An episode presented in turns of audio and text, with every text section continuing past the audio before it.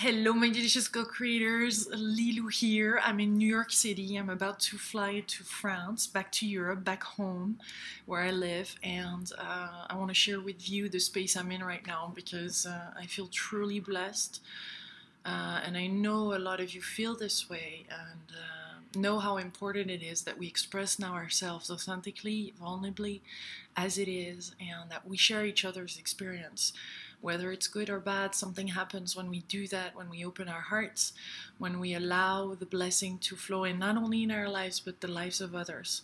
And this is why I do these video blogs, this is why I share with you, and um, I feel that beyond the words right now, there's something coming through. Uh, I shared a little bit of my experience here when I was uh, downtown downtown New York the other day. Uh, but what's really uh, present for me is our beauty. Our beauty, our light, and that it is time to now take the next level.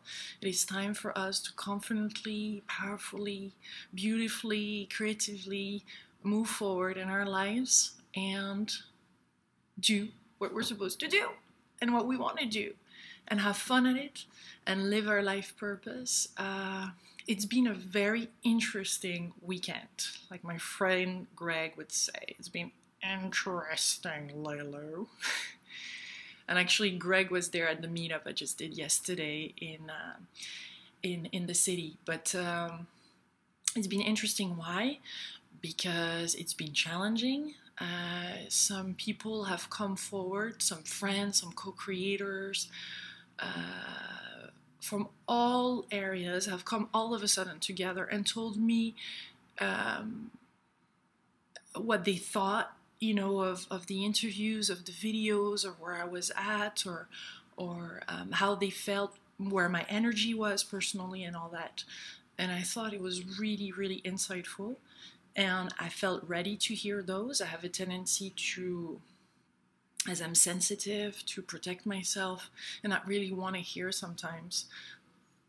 Um, when people have some insights or criticism or um, just just some some things that are really actually that, that I could be ready to hear, but I'm not.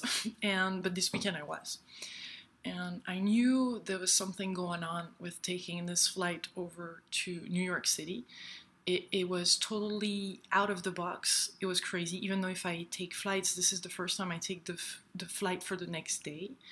Um, I knew it would be a blessed weekend from the moment, actually, just when I took the flight. Uh, well, I booked the ticket. Uh, immediately after that, things starting to open up, and as it usually does, you know, when we make the first step, then things open up. Um, and then in the plane, I thought, wow, there's incredible energy in this plane. There's, there's something there. And I speak to the steward, and he tells me that he, he's been watching the, my videos, and um, which was really surprising. And he says, I would like to, to support you, donating a, a, a ticket, all of that. So basically, the big chunk that I was spending in the ticket was immediately kind of rebalanced, put in harmony, and the universe was basically saying, "There's not, you don't have to worry here. We're, we're, we're taking care of you, and uh, you have you have an extra ticket for another flight another time. So don't worry about the money. This is not about the money, and we know it's not about the money. And most of the time, we limit ourselves with those money conversations." Um, and I, I and I do that. Like I do limit myself, saying, "Oh my God!" But if I want to take the show to the next level, I need money or sponsors or investors or what have you. But more money, and and I've been reminded many times this weekend that it is not about that, and it's about, um, as my my friend Julia that I'm staying at would say, uh, it's about being even more vulnerable, even more authentic, even more raw, even more ourselves, and just just just living it fully and not holding back. And as Mark Nepo would say, that I've interviewed uh, yesterday, it is about letting our soul breathe and breathe and shine and, and emanate and speak out what we have inside of ourselves. And boy, is that scary, isn't it? It's frightening because we don't know how this is going to look like and what's the impact of it.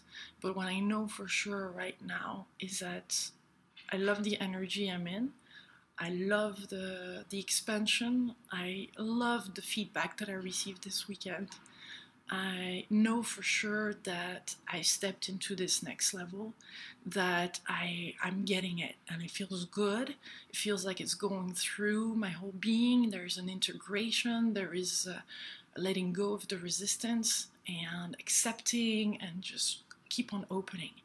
I, would love to stay in that space and as we know sometimes it's challenging because we're afraid you know it's going to go away and it feels so good.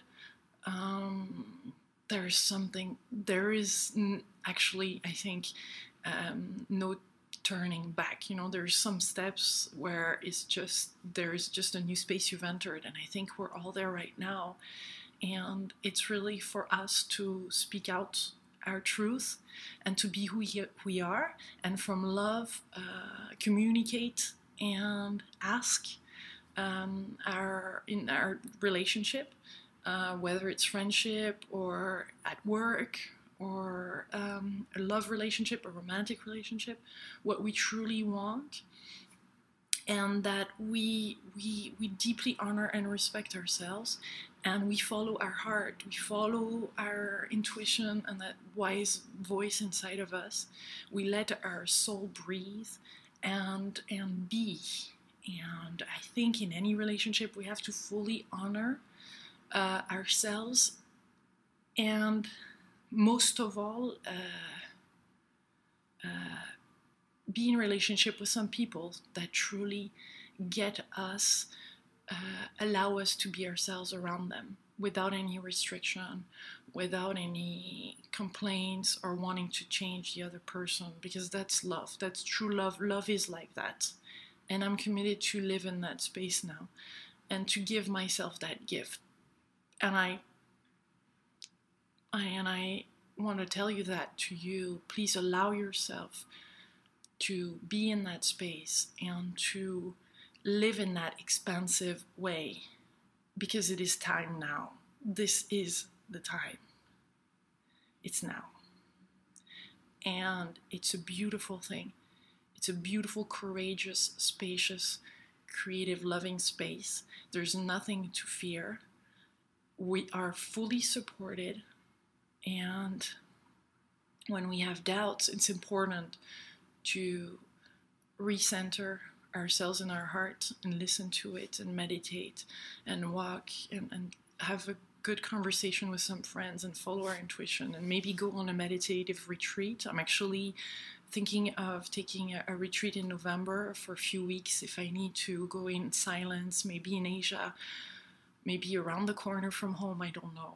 But what I would like is to take some time for myself to integrate all that because our journey is so rich and we're so blessed to be in this conversation right now. Not everybody is. And um, our soul work is really starting now. So I want to share with you th- this moment and. Um, I know that wherever you are, there's things happening for you right now. And trust move forward and let go of what is no longer necessary. I send you much, much love from beautiful New York City.